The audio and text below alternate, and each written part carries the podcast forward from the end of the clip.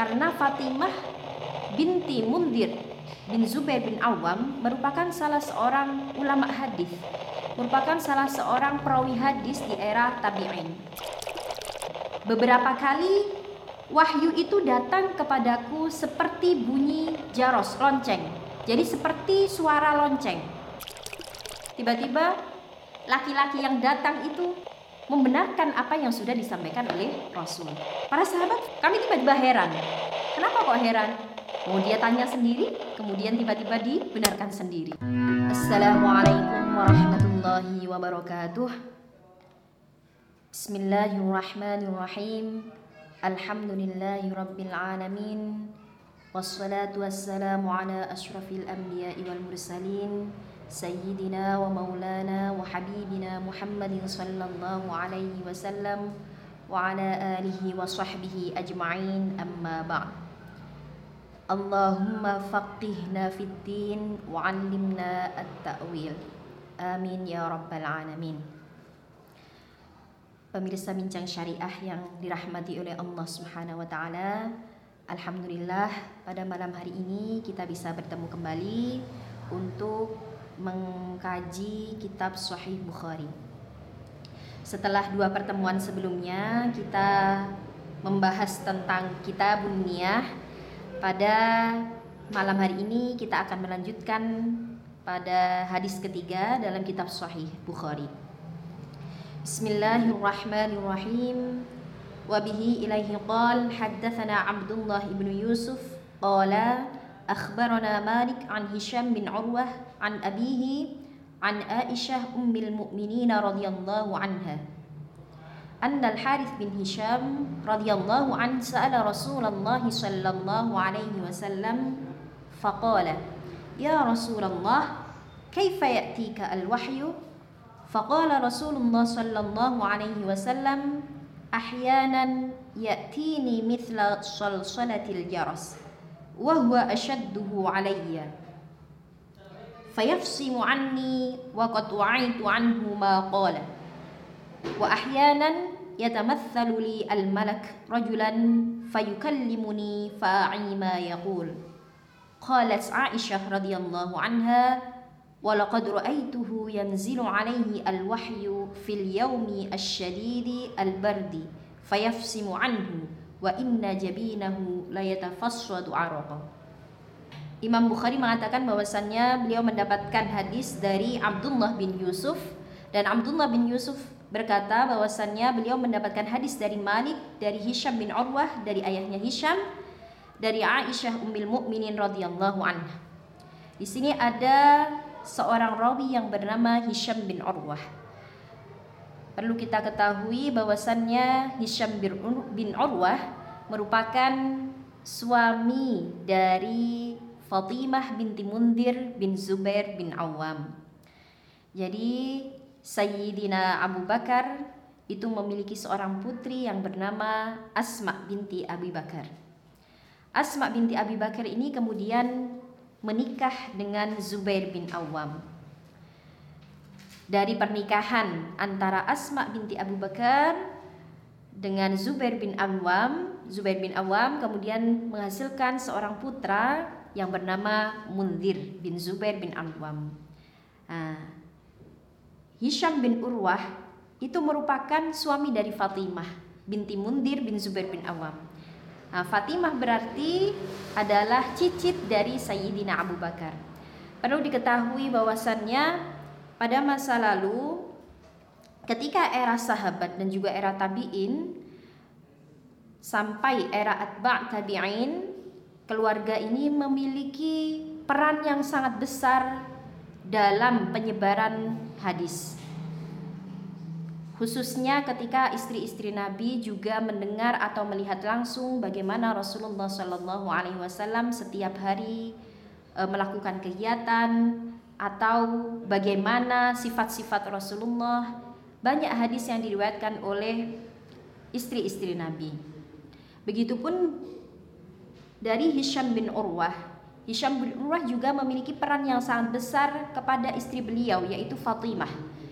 Karena Fatimah binti Mundir bin Zubair bin Awam merupakan salah seorang ulama hadis, merupakan salah seorang perawi hadis di era tabi'in dan merupakan salah satu perawi hadis paling banyak di era tabi'in selain di antaranya ada namanya Amrah binti Abdurrahman yang juga merupakan uh, murid dari Sayyidah Aisyah. Ada sahab, ada tabi'in perempuan juga yang bernama Hafsah binti Sirin. Beliau juga mendapatkan hadis dari Sayyidah Aisyah ketika Sayyidah Aisyah melakukan perjalanan ke Basrah karena Hafsah binti Sirin ini tinggalnya di daerah Basrah. Tabi'in yang ketiga yang paling banyak meriwayatkan hadis itu adalah Fatimah yang merupakan istri dari Hisham bin Urwah ini. Nah, demikian sekilas tentang penjelasan uh, perawi yang atas nama Hisham bin Urwah. Kemudian di sini juga dijelaskan ada Annal Harith bin Hisham. Harith bin Hisham merupakan saudara dari Abu Jahal di mana beliau masuk Islam pada tahun ke-8 Hijriah ketika peristiwa Fathu Makkah. Jadi pada saat Fathu Makkah eh, Haris bin Hisham ini masuk Islam kemudian dari situlah beliau kemudian sering bermusahabah dengan Rasulullah sehingga beliau juga banyak meriwayatkan hadis. Nah, di sini Harith bin Hisham pernah bertanya kepada Rasul, "Wahai Rasul, bagaimanakah wahyu itu mendatangimu?" Jadi pertanyaan ini lebih fokus kepada bagaimana Rasul itu menerima wahyu. Entah siapa pembawa wahyunya atau keadaan bagaimana peristiwa penerimaan wahyu yang diterima oleh Rasulullah Sallallahu Alaihi Wasallam. Kemudian faqala Rasulullah Sallallahu Alaihi Wasallam, Nabi menjawab, ahyanan ya'tini mithla salatil jaras. Ada kata ahyanan. Ahyanan itu jamak dari kata hin yang berarti waktu, ay awqatan. Beberapa kali wahyu itu datang kepadaku seperti bunyi jaros lonceng jadi seperti suara lonceng. Wa huwa asyadduhu alayya. Dan keadaan seperti ini adalah merupakan keadaan yang paling berat bagi saya. Jadi ada beberapa keadaan di mana wahyu itu datang kepada Rasul. Salah satunya adalah menyerupai suara e, lonceng. Fayafsimu anni wa qatu'aitu anhu. Maqala. Ketika wahyu itu berhenti, artinya proses penerimaan wahyu itu selesai, Waktu itu aku menyadari dan aku memahami apa yang dikatakan oleh malaikat. Jadi apa yang disampaikan malaikat itu aku sadari ketika wahyu itu sudah berhenti. Wa ahyanan yatamatsalu li al-malak rajulan. Terkadang wahyu itu juga datang kepadaku dengan uh, malaikat Jibril itu menjelma menjadi seorang laki-laki. Jadi malaikat Jibril pernah mendatangi Rasul tapi bukan dalam e, rupa aslinya. Lebih kepada menyerupai orang lain. Fayukallimuni fa'ai ma yaqul. Kemudian malaikat mengatakan sesuatu kepadaku dan aku memahaminya. Qalat Aisyah. Kemudian Sayyidah Aisyah berkata walaqad ra'aituhu yanzilu alaihi alwahyu fil yaumi asyadidi albardi Aku telah benar-benar pernah melihat Rasulullah Shallallahu Alaihi Wasallam tatkala beliau menerima wahyu pada hari di mana keadaan itu sangat dingin. Fayafsimu anhu dan ketika berhenti wa inna jabinahu la yatawassadu la yatafassadu araqa. Di kening Rasulullah Shallallahu Alaihi Wasallam pasca penerimaan wahyu itu dibanjiri oleh yang namanya uh, keringat. Jadi keringat bercucuran di dahi Rasulullah Shallallahu Alaihi Wasallam. Hadis ini menjelaskan tentang proses penerimaan wahyu. Kita perlu tahu apa itu wahyu. Wahyu secara bahasa itu bisa berarti an-naba awil ilham. Bisa berarti berita atau bisa berarti ilham atau informasi atau al-i'lam, pemberitahuan. Secara syarak wahyu bisa berarti al-i'lam bisyar'i atau ilhamullah tabaraka wa ta'ala li ba'dil makhluqat bi ba'dil umur. Jadi wahyu itu bisa berarti pemberitahuan Allah tentang syarat. Pemberitahuan Allah kepada utusannya tentang syariat yang ingin disampaikan kepada para umatnya atau para makhluknya. Yang kedua juga bisa berarti ilhamnya Allah kepada sebagian makhluknya tentang beberapa perkara. Perkara ini pastinya tentang agama.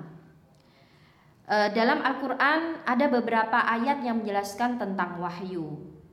Yang pertama itu wahyu bima'nal ilham. Sebagaimana firman Allah Subhanahu wa taala, "Wa auhayna ila ummi Musa an ardi'ih." Dan kami telah mewahyukan kepada ibunya Nabi Musa untuk menyusuinya. Ini mengisahkan ketika ibunya Nabi Musa ini bimbang karena ketika saat itu seorang perempuan melahirkan anak laki-laki maka akan dibunuh oleh Firaun. Akhirnya Allah kemudian memberikan ilham, memberikan kerentak kepada ibunya Nabi Musa untuk disusui terlebih dahulu kemudian e, dibuang ke sungai. Yang kedua, setelah wahyu itu bermakna ilham, yang kedua wahyu itu bisa bermakna naluri. Sebagaimana firman Allah Subhanahu wa taala, "Wa uha rabbuka ilan nahli anittakhidhi minal buyuti anittakhidhi minal jibali buyuta wa minasyajari wa mimma ya'rishun. Naluri itu kan dimiliki oleh binatang. Wa auha rabbuka. Tuhanmu telah memberikan wahyu kepada lebah-lebah untuk membuat rumah-rumah dari e, di bukit-bukit atau di pohon-pohon atau di tempat-tempat yang memang dibuat oleh manusia. Nah, di sini kita secara akal tidak akan memikirkan kok bisa ya hewan itu bikin rumah dengan sendirinya? Atau bagaimana mereka makan? Atau bagaimana kemudian mereka mencari-cari mengais-ngais makanan? Lah ternyata Allah memang sudah mewahyukan kepada mereka Wa auha rabbuka di sini auha itu bermakna memberikan naluri kepada para binatang itu. Yang ketiga, wahyu itu juga bisa bermakna bisikan.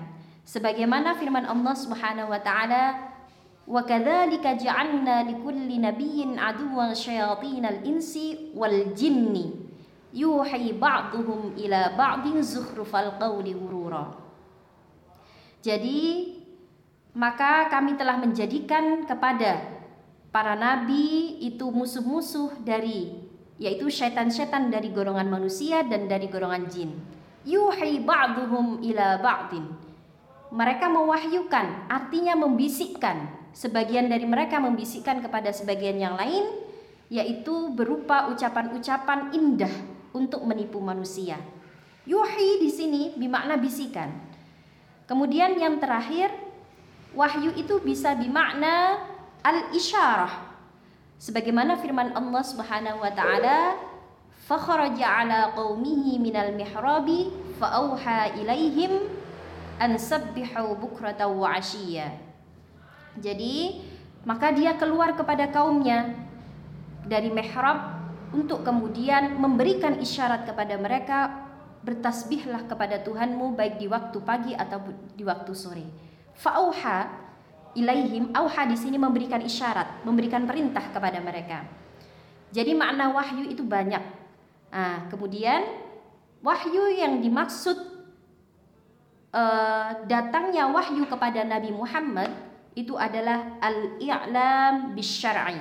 Jadi pemberitahuan akan datangnya syariat atau perintah-perintah keagamaan kepada baginda Nabi Muhammad wasallam. Hadis ini menjelaskan bagaimana nabi itu menerima wahyu dari Allah. Yang pertama, nabi menjelaskan, oh datangnya wahyu itu adalah seolah-olah saya ini mendengar dentingan dari uh, jaros yaitu lonceng.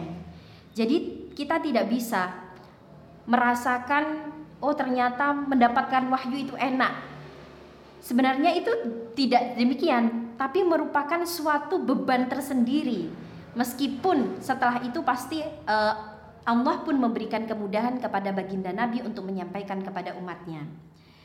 Selain itu, Selain bahwasannya seperti sol-solah jaros atau dentuman lonceng, Beliau juga menjelaskan, kadangkala malaikat itu mendatangiku dalam wujud rupa manusia. Nah, ini pernah eh, Rasul ketika bersama para sahabat itu dalam suatu majelis, kemudian malaikat Jibril datang untuk mengajarkan apa itu Islam, kemudian apa itu ihsan, kemudian apa itu iman. Ini juga terekam dalam salah satu, salah satu hadis riwayat Imam Muslim bahwasannya bainama nahnu julusun 'inda Rasulillah sallallahu alaihi wasallam alaina rajulun shadidu bayadi thiyabi wa shadidu sawadi sya'ri. Jadi diceritakan saat itu kami bersama para sahabat uh, lagi duduk-duduk bersama Rasul, tiba-tiba datang seorang laki-laki yang shadidu bayadi thiyabi, pakaiannya putih sekali. Wa shadidu sawadi sya'ri dan rambutnya hitam. Tapi kemudian tidak ada salah seorang pun la ya'rifuhu minna ahadun. Tak ada seorang pun di antara kita yang mengetahui siapa itu. La yura alaihi atharus safari dan tidak diketahui athar atau bekas jejaknya itu tidak diketahui. Kemudian tiba-tiba uh, hatta jalasa ilan Nabi sallallahu alaihi wasallam tiba-tiba laki-laki itu datang duduk uh, kepada Nabi faasnada rukbataihi ala rukbataihi. Jadi lututnya itu ditaruh dekat dengan Nabi Kemudian fawadha'a kaffaihi ala fakhidaihi, tangannya ditaruh di atas paha paha itu. Kemudian tiba-tiba bertanya, "Ya Muhammad, akhbirni 'anil Islam." Wahai Muhammad, ceritakanlah kepadamu kepadaku tentang Islam. Kemudian dijawab oleh Nabi, faqala Nabi sallallahu alaihi wasallam, "Al-Islamu an tashhada an la ilaha illallah wa anna Muhammadar Rasulullah." Wa tuqimas shalah wa tu'tiyaz ramadan wa tahujjal baita man sabila. Setelah dijelaskan oleh Nabi bahwasanya Islam itu adalah membaca syahadat, bersaksi bahwasanya tidak ada Tuhan selain Allah dan kemudian Muhammad adalah utusan Allah, kemudian melaksanakan sholat, kemudian e, membayar zakat dan juga melaksanakan puasa pada bulan Ramadan dan melaksanakan haji bagi yang mampu. Tiba-tiba laki-laki yang datang itu kola sodakta membenarkan apa yang sudah disampaikan oleh Rasul. Para sahabat fa'ajibna lahu yas'aluhu wa yusaddiquhu. Kami tiba-tiba heran. Kenapa kok heran? Mau dia tanya sendiri, kemudian tiba-tiba dibenarkan sendiri. Kemudian lanjut bertanya tentang iman. Kemudian lanjut bertanya tentang Islam. Kemudian lanjut bertanya tentang tanda-tanda hari kiamat. Dan semuanya dibenarkan oleh beliau tanya sendiri dan dibenarkan sendiri. Dan pada akhirnya e, Nabi ketika laki-laki itu sudah pergi dari majelis itu, Nabi kemudian bertanya kepada Sayyidina Umar bin Khattab, "Ya Umar, ada dari manisail, wahai Umar, tahukah kamu siapa laki-laki yang datang kepada Nabi itu?" kepadaku tadi, kemudian Umar jawab, "Allah wa rasuluhu a'lam." Bahwasannya Allah dan Rasulnya itu lebih mengetahui. Apa kata Nabi? Fa innahu Jibrilu atakum yu'allimukum dinakum. Yang datang tadi adalah Jibril yang datang untuk e, mengajarkan kepada kalian tentang agama kalian. Itu yang pertama. Jadi wahyu itu bisa datang dalam wujud Jibril menyerupai seseorang. Salah satunya itu yang mengajarkan tentang uh, agama, tentang Islam, kemudian ihsan dan juga tentang iman. Di satu uh, sisi Jibril juga pernah mendatangi Rasul ketika Rasulullah itu bersama Sayyidah Ummu Salamah. Tiba-tiba datang seorang laki-laki, kemudian tiba-tiba pergi lagi. Ketika sudah pergi, kemudian Nabi bertanya kepada Sayyidah Ummu Salamah, "Ummu Salamah, siapa itu tadi?" Apa jawabnya Sayyidah Ummu Salamah? Tadi ada Dihya Al-Kalbi. Jadi ada seorang sahabat yang bernama Dih, uh, Dihya binti Khalifah Al-Kalbi. Ah, ketika sudah pergi, kemudian Nabi berkata kepada Sayyidah Ummu Salamah bahwasannya tadi itu yang datang adalah malaikat Jibril. Nah, ini berarti menunjukkan kepada kita bahwasannya malaikat atau Jibril itu pernah datang kepada Rasul dalam wujud manusia. Nah, ini di sini juga dijelaskan wa ahyanan yatamatsalu li al malaku rajulan fayukallimuni fa'a'i ma yaqul. Nah, jadi Jibril mendatangiku, menjelma menjadi seorang laki-laki dan mengatakan kepadaku sesuatu dan aku menyadarinya ketika uh, Jibril ketika selesai pemberian wahyu itu. Nah, apakah pernah wahyu itu datang dalam bentuk yang lain? Pernah uh, eh, Al Imam Ibnu Hajar al Asqalani menjelaskan jadi ada beberapa keadaan di mana wahyu itu pernah datang kepada Rasul dalam beberapa keadaan. Yang pertama di sini jelaskan bahwasannya uh, imma min sifatil wahyi kamaji'ihi kadawan nahli. Terkadang wahyu itu datang dalam bentuk suara lebah. Tidak hanya suara jaros, tapi juga suara lebah. Wan nafatu Dan dalam aku keadaan gemetaran. Jadi ketika wahyu datang Nabi itu selalu gemetar. Nah, keadaannya seperti itu. Kemudian wal ilham juga bisa dalam bentuk ilham saja. Kemudian warru'ya as-salihah dan juga dalam bentuk mimpi. Sebagaimana kita ketahui bahwasannya awwalu ma budi aminal wahyi ar-ru'ya as-salihah. Wahyu yang pertama kali diterima oleh Nabi Muhammad sallallahu alaihi wasallam itu adalah berupa mimpi. Ar-ru'ya as-salihah ay ar-ru'ya as-sadiqah. Ar-ru'ya as-sadiqah itu maksudnya adalah mimpi yang kemudian menjadi kenyataan. Jadi sebelum Nabi menerima wahyu berupa uh, surah Al-Alaq, Nabi pertama kali menerima wahyu itu berupa mimpi-mimpi. Tidak ujuk-ujuk kemudian menjadi nabi, tidak. Tapi sering bermimpi yang kemudian mimpi itu menjadi kenyataan. Nah, inilah tandanya Beda ya, mimpinya orang solih dan juga mimpinya Nabi dengan mimpinya manusia biasa. Kalau mimpinya manusia biasa seperti e, saya misalnya atau e, beberapa permisal sekalian juga itu bisa jadi mengandung kebenaran, bisa jadi tidak hanya bawaan perasaan atau keadaan sebelum mimpi.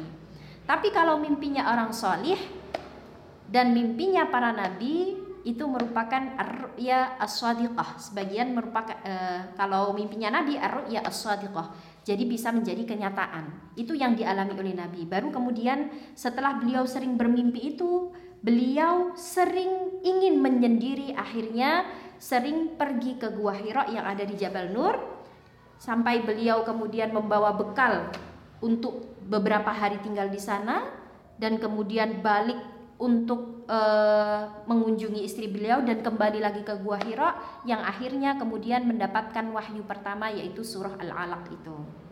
Nah, selain itu, selain ar-ru'ya as-salihah, bagaimana keadaan lain uh, Nabi itu menerima wahyu? Di antaranya adalah wat taklim Lailatul Isra'i bila wasitah. At-taklim. Jadi Nabi itu langsung berjumpa dengan Allah bila wasitoh tanpa perantara. Sebagaimana yang kita ketahui peristiwa Isra Mi'raj, Nabi langsung de, dari Masjidil Haram kemudian ke Masjidil Aqsa, Masjidil Aqsa kemudian ke Sidratul Muntaha, kemudian diantarkan oleh malaikat Jibril di mana malaikat Jibril tidak bisa ikut e, Nabi untuk menjumpai langsung Allah. Nah, di situlah Nabi menerima wahyu. Ini macam-macam tentang beberapa cara atau beberapa peristiwa bagaimana Nabi menerima wahyu e, baik secara langsung atau tidak langsung. Yang secara tidak langsung artinya melalui perantara Jibril. Yang secara langsung ini sebagaimana peristiwa Isra Mi'raj. Beliau mendapatkan perintah untuk melaksanakan sholat eh, 50 waktu kemudian dinego sampai mendapatkan lima waktu itu. Artinya di sini kita melihat ada berbagai macam varian Rasul ini menerima wahyu. Kemudian di sini juga dijelaskan wa imma min sifati hamilil wahyi kama ji'ihi fi suratihi allati khuliqa alaihi 'alaiha lahu sittumi'ah janah. Jadi juga dijelaskan tentang sifat pembawa wahyu. Nabi pernah melihat malaikat Jibril itu memiliki sayap. Ini dijelaskan situmi anjanah 600 sayap. Nah, ini menjelaskan oh ternyata malaikat Jibril itu tidak hanya mendatangi Rasul dalam bentuk manusia saja, tapi juga mendatangi Rasul dalam bentuk aslinya seperti itu. Kemudian waru'yatihi ala kursi bainas sama'i wal ardi dan juga melihat langsung di atas kursi antara langit dan bumi. Artinya ketika itu Nabi kemudian melihat bagaimana posisi malaikat Jibril ini saat memberikan wahyu kepada nabi. Ini macam-macam varian penerimaan wahyu yang diterima oleh nabi ya.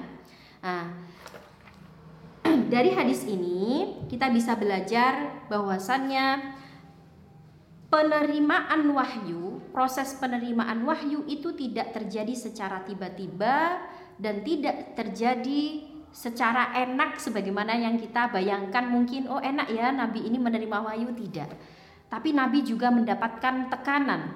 Nabi juga mendapatkan perasaan yang menyiksa beliau saat itu. Apa hikmah di balik itu? Hikmahnya adalah karena beratnya proses penerimaan wahyu, kemudian pernah Rasul itu lama tidak menerima wahyu, kemudian Rasul pernah merasa rindu kepada Jibril karena Jibril lama tidak mendatangi mendatanginya. Akhirnya Kemudian Nabi ingin untuk cepat-cepat kembali bertemu dengan Jibril. Cerita yang paling berat dialami oleh Nabi adalah ketika pertama kali menerima wahyu di Gua Hira di mana Jibril itu mendekap Rasul kemudian mengatakan Iqra ya Muhammad ma ana biqari. Aku nggak bisa baca. Sampai didekap lagi Iqra ya Muhammad ma ana biqari. Saya nggak bisa baca Iqra ya Muhammad ma ana biqari saya nggak bisa baca kemudian turunlah uh, ayat pertama sampai ayat kelima dari surah Al-Alaq dan setelah itu Nabi langsung gemetaran pulang ke Sayyidah Khadijah untuk kemudian diminta untuk di apa namanya diselimuti. Zammiluni zammiluni wahai Khadijah. Selimutilah aku selimutilah aku wahai Khadijah. Ini proses penerimaan yang sangat berat. Ala kulihal makanya untuk mewujudkan rasa cinta kita kepada baginda Nabi, alangkah baiknya kita sering bersolawat kepada beliau sebagai uh, wujud cinta kita, wujud kasih sayang kita, wujud syukur kita karena kita telah diajarkan banyak hal oleh beliau, ajaran-ajaran beliau bisa kita rasakan sampai saat ini dan juga kita bisa menikmati ladahnya iman dan Islam itu. Uh, pemirsa bincang syariah, dari hadis ini kita bisa belajar banyak hal bahwasannya wahyu itu merupakan suatu berita atau suatu informasi yang diterima oleh Rasul dalam keadaan yang sangat berat. Tidak dalam keadaan enak-enakan dan juga tidak dalam keadaan bersantai-santai ria. Beliau menerima wahyu itu dalam proses yang memang penuh tekanan dan juga Eh, kesakitan ya. Karena di situ jelaskan wan firau dalam keadaan kesakitan. Sebagai umatnya alangkah baiknya kita mewujudkan rasa syukur kita dan juga rasa cinta kita untuk terus menyebut asma Nabi Muhammad SAW melalui lantunan-lantunan kita berupa sholawat kepada baginda Nabi SAW. Semoga apa yang saya sampaikan ini bisa bermanfaat dan juga kita bisa mengamalkan semuanya.